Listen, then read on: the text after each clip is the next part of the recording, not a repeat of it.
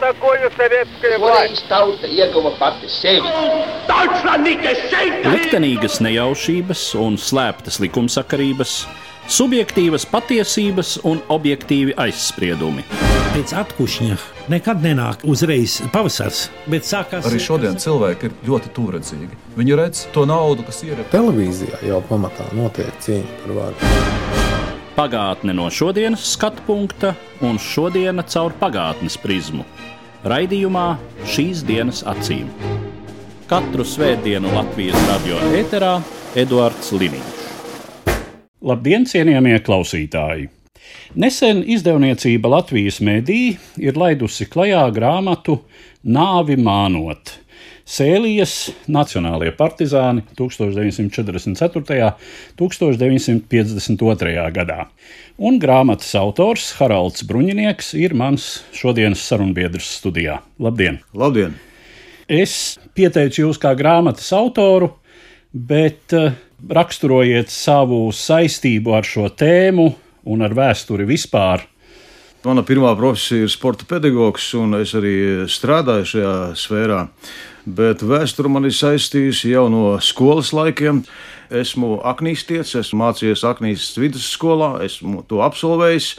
Mans vectēvs Jānis Vitoļņš tika represēts pēc otrā pasaules kara, un man viņš atstājis ļoti daudz atmiņas, tas varbūt arī bija viens no iemesliem, kāpēc es par vēsturi interesējos, un tieši šo pēckara periodu, jo vectēvs bija izcietis sodu desmit mēnešus Krievijā. Kad viņi atbrīvoja, neapšaubā viņi uzmeklēja partizāni, jo bija interese, kāda tur izskatās, kā izturās pret apcietinātājiem un tā tālāk. Tas arī bija tas iemesls, kas mani mudināja iztaujāt savu vecāku. Es saņēmu ļoti daudz stāstījumu par šo periodu, un, protams, arī tikšanos ar meža brāļiem. Arī mans vecāks dzīvoja ilgs stapriņķī, un visi notikumi arī šajā grāmatā ir. Gan tie ir tikai kādi pieci, seši pagasti, ieskaitot aknīsti, un viena epizode ir tieši saistīta ar manu dzimtu.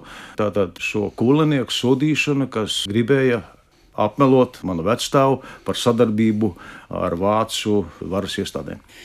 Es 20 gadu garumā biju uzkrājis avots un vēlējos visu sistematizēt, tāpēc vēlējos uzrakstīt grāmatu, bet gribējās kaut ko arī uzzināt tieši no akadēmiskās puses. Tāpēc es iestājos Daugavas Universitātē. Es esmu ieguvis maģistra grādu un turpinu arī studēt doktorantūrā. Un, loģiski, viss man sakārtojās tikai nedaudz ilgi. Iecerē bija no 14. gada, bet jau pagājuši 8 gadi. Starp citu, pirms kāda laika es tāpat Latvijas radio studijā tikos ar otras nesen iznākušas šai pašai tēmai veltītas grāmatas autoru, proti Zigmāru Turčinski, kura darbs ir veltīts Ziemeļvidgales Nacionālo partizānu kustībai. Viņš šo tēmu kopīja jau daudzus gadus. Vai jums bija kādi paraugi un iedvesmas avoti ķeroties pie šī darba? Protams, es iepazinos ar visiem akadēmiskiem pētījumiem, pieskāros arī citām zinātņu kategorijām, jo mana pētījuma tēma tomēr ir ne tik daudz šīs struktūras pētīšana, bet es vēlējos vairāk uzzināt tieši cilvēka rīcību, izvēli, domāšanu, un man bija nepieciešams iedziļināties vairāk tādos psiholoģiskos faktoros, lai saprastu viņu izvēles. Droši vien šo izvēļu raksturojums, jūs sakāt, jā, sarežģītas, bet tas motivāciju komplekts jau tomēr ir apmēram skaidrs. Tā tad tā var būt vienkārši vēlēšanās paglāpties no ļoti dramatiska laika briesmām, tātad pabēgot mežā vai izvairītos no mobilizācijas vienā vai otrā armijā, lai izvairītos no potenciālām represijām. Droši vien, ka ir kaut kādi atsevišķi gadījumi, kad tā var būt arī zināmā mērā romantika, bet uh, praktiski visos gadījumos tā ir šīs jaunās totalitārās varas nepieņemšana.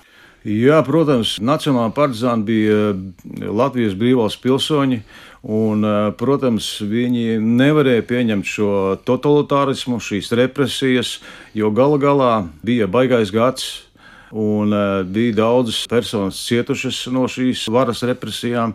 Neapšaubām bija arī šis naids. Un modeļi ļoti dažādi. Ja? Mēs nevaram pateikt, ka šīs izvēles bija tā teikt vienādas. Varu pateikt tikai to, ka arī pētot Zigmāra Turčīnska darbu, mums ļoti daudz procentāli saskanēja šīs proporcijas. Vācu okupācijas orgānos varas struktūrās dienēja vismaz 40%. Tur Šķinskam tas pats bija.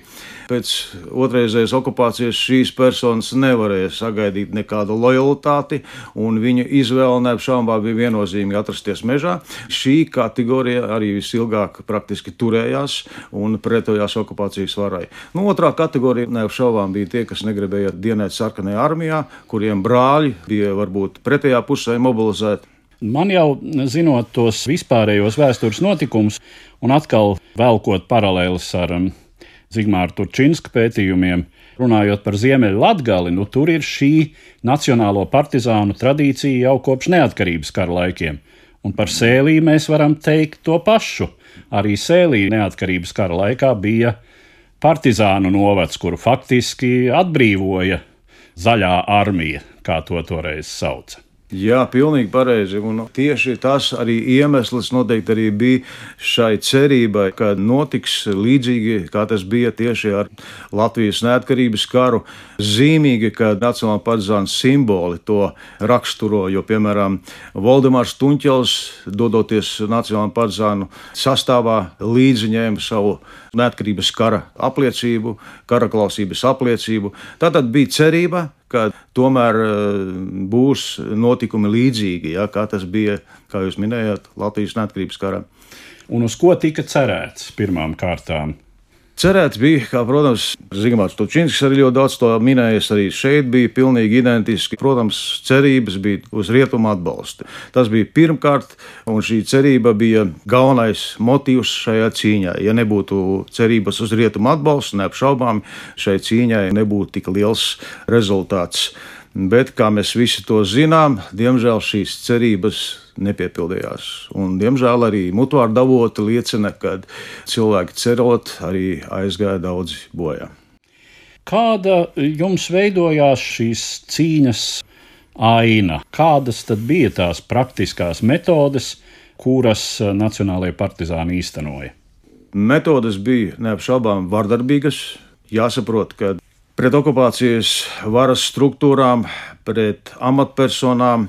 Pēc Latvijas Tēvijas sargu apvienības nodibināšanas nāca rīkojumi, nāca pavēles, un Nacionāla partizānija ar pilnu atbildību rīkojās ar kara laika metodēm.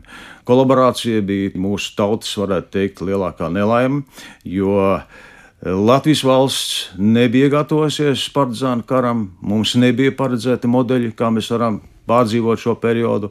Līdz ar to, protams, bija asinis, nežēlība, diemžēl.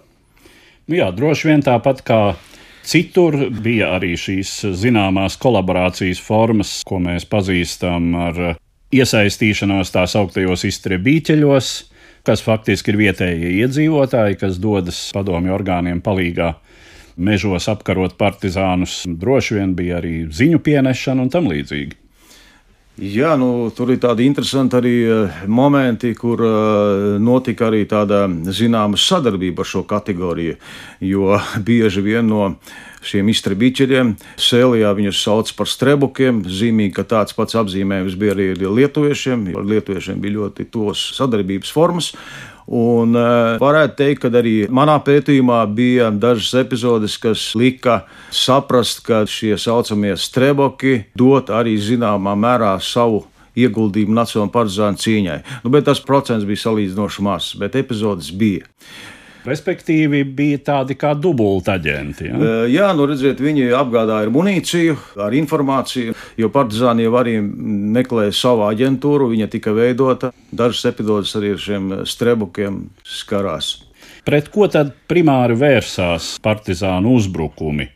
Bija pirmkārt uzbrukumi pret varas orgāniem, pret saimnieciskiem objektiem, pret kolaborantiem, pret civilpersonām. Tās bija trīs kategorijas, kuras faktiski Nacionālajā partizānī apkaroja. Kas Nacionālo partizānu skatījumā bija kolaboranti, ko viņi uzskatīja par teiksim, leģitīmu uzbrukuma mērķi. Eh, jo te nu jāsaka, ka joprojām pateicoties dažiem arī daļliteratūras sacerējumiem sabiedrībā, jo cirkulē priekšstati par to, ka par upuri varēja krist pamatskolas skolotāja, tāpēc, ka Staļina bilde ir klasē pie sienas, pastniece, kura ved somā avīzes ar Staļina bildi un tam līdzīgi. Jā, redziet, tas jautājums, protams, ir sarežģīts, un es arī nesaku, ka Nacionālajā partizānu karā nebija kļūdas. Nebija arī viss kārtībā ar šo disciplīnu, jo, redziet, visa lielākā cīņa bija pašu vienību rokās. Faktiski augstākās vadības nebija. Bet, ja mēs runājam par šo kolaborāciju, tad tas jēdziens ir diezgan sarežģīts un izplūdis.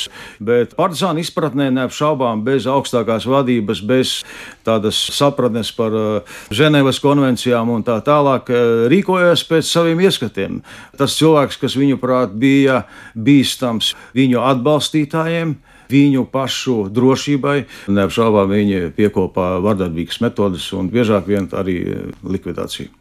Bet te pamatā tomēr mēs runājam par tiem pašiem iztrebīķeļiem, par eh, ziņu pienesējiem nu, un eh, partijas padomju aktīvu.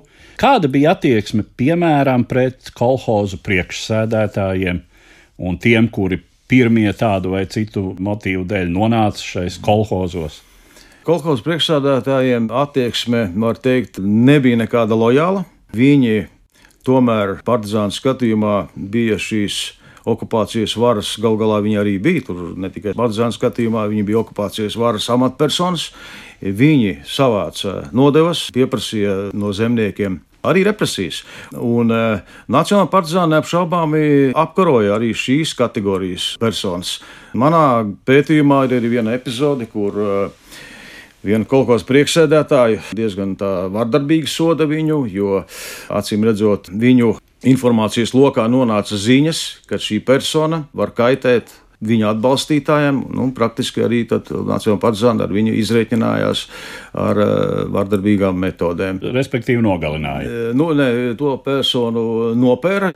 Bija, protams, arī otra epizode, ja mēs runājam par kaut ko priekšstādātāju Kalvīti, tad eh, arī tur nepareizas informācijas dēļ mantas pa daudz no viņa paņemtas. Bija arī Nacionālajiem partizāniem šajās akcijās kļūdas. To atzīst arī paši cīnītāji, kas mutvārdu avotos ir teikuši, ka nedaudz arī kļūdas tika pielaistas. Un tas manā pētījumā bija ļoti interesanti aplūkot arī šos dokumentus un salīdzināt ar mutvārdu avotiem. Tā vispār ir tāda ļoti plaša un joprojām kutelīga tēma, kas arī, starp citu, Zigmāra Turčinska darbā parādās, jo sevišķi, ka joprojām arī mūsdienu sabiedrībā pastāv tie ekstrēmie uzskati par to, kas ir nacionālie partizāni, kā uz viņiem lūkoties, un faktiski līdzās tur eh, tai pašā sabiedrībā pastāv viedoklis, ka svēti cīnītāji par eh, Latvijas brīvību, un turpat līdzās bandīti, slepkavas, kuri teju sava prieka pēc varēja nogalināt vai slepkavoja veselām ģimenēm par, eh, teiksim, ģimenes galvas nodarījumiem un tam līdzīgi. Jā, redziet, eh, es domāju, ka šī problēma arī ir eh, saglabājusies mūsdienās. Viņa nav pazudusi. Jo bieži vien nogalinot padomu okupācijas varas pārstāvjus, to tuvinieku otrajā, pat trešajā paudzē, viņus uzskata par bandītiem. Tā pašā laikā otrā puse, kur ir cietusi no padomju okupācijas varas, palīdzību meklēt bieži vien pie nacionālajiem partizāniem, lai varētu paglābt ģimenes, tieši no represijām. Un es domāju, ka šis viedoklis var traucēt mūsu kā nācijas vienotas identitātes izpratnē, ja? diemžēl arī līdz šai dienai.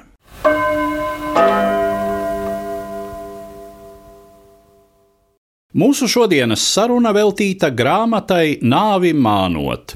Sēlijas, aknīstes, biržu, elkšņu, gārsenes, saukas, susējas un viesītes pagasta nacionālie partizāni 1944. un 1952. gads.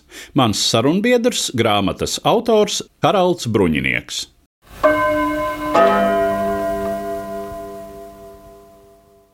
Tas arī ir tas, kāpēc man arī šķiet svarīgi par to runāt, un kāpēc ir uh, ļoti labi, ka to pēta un uh, izzina, jo tad var nonākt pie tās kopējās ainas, kur tiešām ir viss. Kur ir jāsaprot, ka cilvēks ir cilvēks, un sevišķi šādā cīņā cilvēki tiešām vadās pēc kaut kādas savas izpratnes un priekšstatiem, tad gadās visādi. Un tā ir situācija, kas ir raksturīga bieži vien tādiem pilsoņu kariem. Nu, un šeit arī ir vienā pusē latvieši un Latvijas pilsoņi, un tāpat otrā pusē. Arī nonākšana iztribīķeļos bieži vien, es teiktu, nebija motivēta ar ideisku piekrišanu padomju varai vai kaut kādu nu, tādu absolūtu oportunismu. Tur jau arī cilvēkiem bieži vien bija maz izvēles. Jā, es jums piekrītu. Arī manā pētījumā ir epizodes, kur tiešām var teikt, ka iztrabiķeļi saucamie tiešām nokļuva neapskaužamā situācijā. Bijušais neatkarības kara dalībnieks Eglītis, kurš izgājis bija cauri arī strēlnieku laiks, diemžēl bija spiests pēc padomju okupācijas varas represijām kļūt par iztraviķeļu, un viņa liktenis beidzās traģiski. Tāpat varētu minēt arī Sprindžuka Susējas pagasta likteni, kur arī nekāds proletariāts viņš nebija. Viņam bija 15 hektāru zemes. Latvijas eh, laikā viņš domāja, ka ļoti labi saimniekoja savā saimniecībā. Bet, diemžēl, arī padomi vara piespieda un uh, iedeva šauteni un epizodi, kur uzbrukums notika Susējas izpildu komitejai. Sprindžuks, diemžēl, liktenīgi atradās šajā sastāvā un tika nošauts. Jūsu darbā ir redzama cits starpā tāda tabula, kas ir pietiekami spilgta par šo nacionālo partizānu likteņu dinamiku. Un šai tabulā ir redzams, ka tie, kuri legalizējas, tātad pamet mežu, vislielākajā skaitā ir tūlīt pēc Otrā pasaules kara beigām. Un savukārt gūstā saņemto un e, nogalināto skaits vislielākais ir 40. gadu beigās un 50. gadu sākumā. Kā šī skaitļu dinamika ir skaidrojama? Neapšaubām tie, kas varēja legalizēties pēc uzsaukuma, kuriem nedraudēja represijas no padomu okupācijas varas, protams, to darīja. Jāsaka gan, ka it sevišķi Aknītas pusē Nacionālā partizānija pēc Staņislava Urbāna pulka komandiera legalizācijas faktiski viņu uzskatīja par nodevēju. Cilvēki saprata, tomēr cīņa noteikti iet ar zaudējumu, un uh, tie, kas varbūt nebija saistīti ar vācu okupācijas varas iestādēm, legalizējās. Jā. Nu, šī kategorija, kas faktiski bija saistīta ar vācu pašaizsardzību pamatā, jā, un e, kā es savā pētījumā, kā bija tā, tur arī tomēr bija, es neko necentos apiet. Jāatzīst, ka arī starp nacionālajiem partizāniem bija personas, kas bija iesaistītas holokaustā. Tad no šīs kategorijas mēs nekādu legalizāciju nevarējām sagaidīt. Bet bija arī partizāni, kuri ar dziļu pārliecību cīnījās līdz galam. Nu, te ir jāpiemina pats Mārtiņš Pokļevīnskis, kurš nav bijis saistīts ne ar kādām iedzīvotāju represijām. Manā skatījumā joprojām valsts tiesību sargājušās iestādes viņu nav rehabilitējušas. Kaut gan viņš divreiz tika sagūstīts un turpināja cīņu ar pārliecību un pēc, protams, saviem ieskatiem. Kādā nozīmē viņš joprojām nav rehabilitēts, respektīvi, spēkā joprojām ir padomi laika tiesas spriedumi? Atjaunotās Latvijas tiesību sargājušās institūcijas šīs krimināla lietas sāk skatīt un izveda rehabilitācijas. Un Pokļevīnskis Mārtiņš, diemžēl, nav rehabilitēts. Protams, skatoties viņa darbību, tā bija tiešām vardarbīgs metods, jo pret kolaborantiem, kā jau minēju, tika pielietotas visas cietsirdīgākās metodes. Bet tajā pašā laikā Mārtiņš Pokļevīnskis nav piedalījies mierīgo iedzīvotāju represijās Vācu okupācijas laikā. Protams, viņš sastāvēja pašaizsardzībām, piedalījās sarkano partizānu apkarošanā, tas ir cits jautājums, bet tādā kā holokaustā, jeb citās represijās, viņš nav piedalījies. Un tāpēc ir tāds neatbildēts jautājums, kas, protams, ir adresēts mūsu tiesību sargājušu iestādēm, caurskatīt šo jautājumu. Vai jūs varat spriest par to, vai ir e, nepilnības likumos šajā gadījumā? varbūt arī šis laiks ir pateicīgs. Mēs varam paskatīties, kas mums notiek šeit, Ukrajinā. Un lielāka drosme ir tiesību sargājušām institūcijām. Arī mums, kā valstī, ir svarīgi saprast, kā tad mēs rīkosimies, ja pieņemsim, mums būs šī X stunda. Un man ir grūti atbildēt par šo institūciju juridisko pusi. Es neesmu jurists, ne tiesnesis, ne prokurors. Mans kā vēsturnieku uzdevums bija aprakstīt šīs situācijas, kā rīkojās Nacionālā partizāni, bet gribētos sagaidīt šo detalizētāku vērtējumu. Jā. Jūs jau pieminējāt, ka kaimiņos Sēlijai ir Lietuva, un, kā zināms, no Lietuvā Nacionālo partizānu kustība bija krietni plašāka nekā Latvijā. Vienību lielums un attiecīgi aktivitātes sagādāja padomju varai daudz lielākas galvas sāpes. Jūs jau pieminējāt to, ka bija sadarbība ar uh, kaimiņiem, lietuviešiem šai ziņā. Jā, sadarbība bija. Un uh, ļoti interesanti, ka šī sadarbība izpaudās, ka šīs akcijas rīkoja gan lietuviešu Latvijas pusē, gan nu, tāda lielāka akcija neapšaubāmā bija šeit uh, Armoņa ciemā, kur Pokļevinskis bija norganizējis partizānus, kuri atriebās viena lietuvieša šim kunas ģimenes izsūtīšanas sakarā, kur bija, protams, cietušas arī civilpersonas neapšaubām. Bet uh, Lietuvas partizāni ļoti bieži arī ne bez latviešu partizānu ziņas arī rīkoja akcijas tieši Latvijas teritorijā. Gan mantu rekvizīcijās, gan arī Gārsnes pagastā nopēra vienu strebaku bez fiziskas iznīcināšanas, bet, protams, ar brīdinājumu lai atsakās turpināt darbību. Tā kā šī sadarbība bija plaša, šī tauta kopība un eh, pierobežā ļoti tāds interesants faktors ir tas, ka eh, bija šīs jauktās ģimenes ļoti daudz un eh, nepastāvēja tāda valodas barjera un mentalitāte ļoti tuvu bija līdz ar to. Šīs etniskās grupas ļoti veiksmīgi bija iekļaujušās tādā kopējā vienotā identitātē. Par tīri kvantitatīvo aspektu. Tātad, cik skaitliski ir šo nacionālo partizānu tur Sēlijā kopumā un eh, cik tas ir salīdzinājumā ar aktivitāti citos Latvijas novados. Tas kopējais skaits ir kaut kur 14,000. Mēs varam runāt pēc Turčīnska pētījumiem kopējais Latvijas nacionālā partizāna skaits. Manā pētījumā neapšaubām ir neliels fragments, jo, saprotiet, visu aptvert sēlī, kā tādu tas ir ļoti grūts un nākotnes darbs. Man, protams, palīdzēja tas, ka es biju saglabājis vācis šos mutvārdu avotus kurus vairāk, diemžēl, mēs vairs nedabūsim. Bet te ir aplūkotas 132 personas. Nobeigumā arī ir pievienotas šīs biogrāfijas ar portretiem, aprakstīts arī viņu dzīves ceļš, arī meklētas portrets, viņa domāšana un izvēles modeļi. Runājot par šo cilvēku likteņiem, ir tie, kuri pamet partizānu kustību jau tās aktīvākajā laikposmā, tas ir 40. gadi, 50. gadu sākums, ir tie, kuri krīt cīņās vai arī krīt gūstā, nonāk padomju soda nometnēs, ir arī nāves sodi, vai bija kāda daļa, kuriem izdevās neizejot to oficiālo legalizēšanās procesu, bet tomēr pamest mežu vai, teiksim, pārceļoties uz kādu citu Latvijas vietu, kur viņus nepazīst vai tam līdzīgi. Manā pētījumā ir eh, izdevies paglāpties vienai sievietei, Veronikai Pokļevinskai, kura nodzīvoja veiksmīgi ar savu mūžu, ar Gudļauskas vārdu, un uh, apglabāta ir Sarkandaugovas kapos. Tas ir unikāls gadījums, jo viņa bija Mārtiņa Pokļevinska sieva. Viņu ļoti daudz meklēja, bet es pats ar ļoti lielu interesi tam sekoju un mēģinu atrast vēl vairāk avotus. Jā, tātad vienai sievietei tiešām ir izdevies izglābties. Nu, tad ir otrs neatbildēts variants, kuram ir uh, hipotētiska versija, ir mutvārdu avots, kas, protams, ir pagaidām neatbildēts. Pēteris Krūmiņš no Aknijas pagasta ir versija, ka viņam ir izdevies paglāpties no uzbrukuma.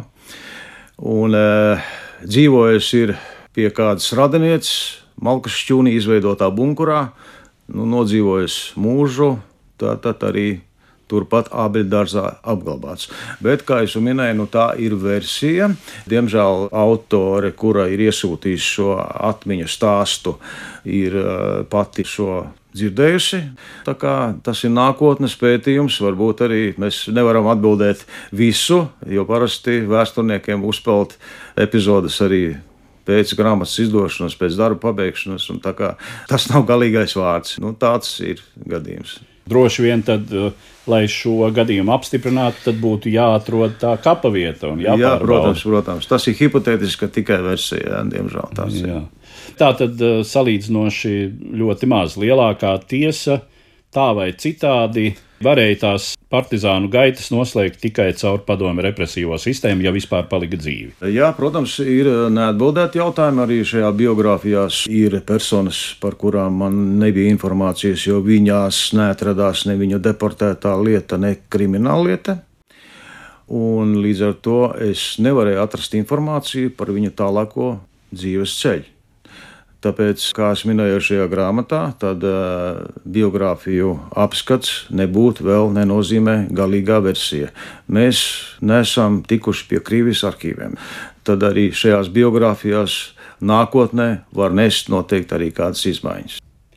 Nacionālo partizānu cīņas noslēgums, šīs cīņas tāda pakāpeniska izbeigšanās 50. gadu pirmajā pusē līdz 50. gadu vidum, nu tad atsevišķi gadījumi vēl ir 50. gadu otrajā pusē, atgādinot faktiski, kas bija tie faktori, kas noteica, ka šī bruņotā pretošanās izbeidzās, tad sabiedrībā varbūt parādījās citas pretestības formas, bet daudz mazāk izteiktas. Jā, nu, protams, šīs pretestības formas jau bija paralēlas. Mēs varam runāt par šo vardarbīgo pretošanos, bet līdzās jau vardarbīgai pretošanās bija arī šī nevardarbīgā forma.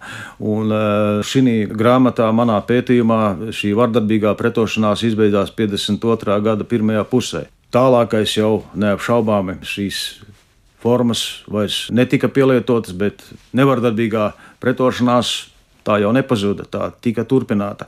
Un arī zināmā mērā pateicoties mūsu senčiem, tad mums viņi ir atstājuši arī savas liecības. Arī mēs mācījāmies skolā, toreiz Aknīsas vidusskolā, šajos 70. gados eh, mēs nebūtu neticējām šajā padomju Latvijas vēsturē. Mums bija cits ieskats jau. Mēs saņēmām informāciju no mūsu senčiem, un šī nevardarbīgās eh, pretošanās forma transformējās mūsos. Mēs spēlējām karaspēles, mēs rīkojām šos bunkurus un sapņojām par nacionālu partizānu bunkuriem. Varbūt mēs kādus ieročus atrodam. Un, ja vēl jāpiebilst arī tāda epizode, kad 70. gados bija ja nemaldos, padomju jaunatnē publicēts viens raksts, kurā tika atklāts viens Igaunijas meža brālis. Es tādu neatcerēšos precīzi šī raksta nosaukumu, bet arī šī avota informācija mūsu, teiksim, kā skolniekus lika tādu cerību, ka varbūt patiešām mēs varam mitoloģiski domāt, ka varbūt ka kāds meža brālis var tomēr nav pilnīgi viss apkarots un viņš varbūt kaut kur mežā ir, līdzīgi kā publikācijā Igaunijā. Tāda bija mūsu uztvere. Ja mēs domājam par to laiku un šodienu, kā jums šķiet, kas ir tās nozīmīgākās, varbūt mācības, tās patiesības, ko mēs varam gūt no tā laika pieredzes? mums ir jāsaprot mūsu kā nācijas vienota identitāte. Un eh, mums jāsaprot un jārunā par šo kolaborāciju. Tas manā skatījumā varbūt ir pamaz runāts, sabiedrībā ir jāizprot, un arī mums jābūt tomēr gataviem tādai rīcībai, kādā veidā mēs rīkosimies. Ja mums būs šāda situācija, kā bija nacionālajiem partizāniem. Ja? Mēs ģeopolitisko situāciju šodien redzam, tā ir ļoti nedroša un nestabila. Un tāpēc šis nacionālā partizāna karš nav izvērtēts pienācīgi. Manuprāt, te ir daudz jāmeklē atbildes tieši šajā posmā, šajā periodā, jo cilvēka likteņi bija traģiski. Ar to es arī noslēdzu mūsu šodienas sarunu. Tā bija saruna ar grāmatas nāvi mānot autoru Haraldu Bruņinieku, un viņam es arī saku paldies! Paldies! Katru svētdienu Latvijas radio viens par pagātni sarunājas Eduards Līniju.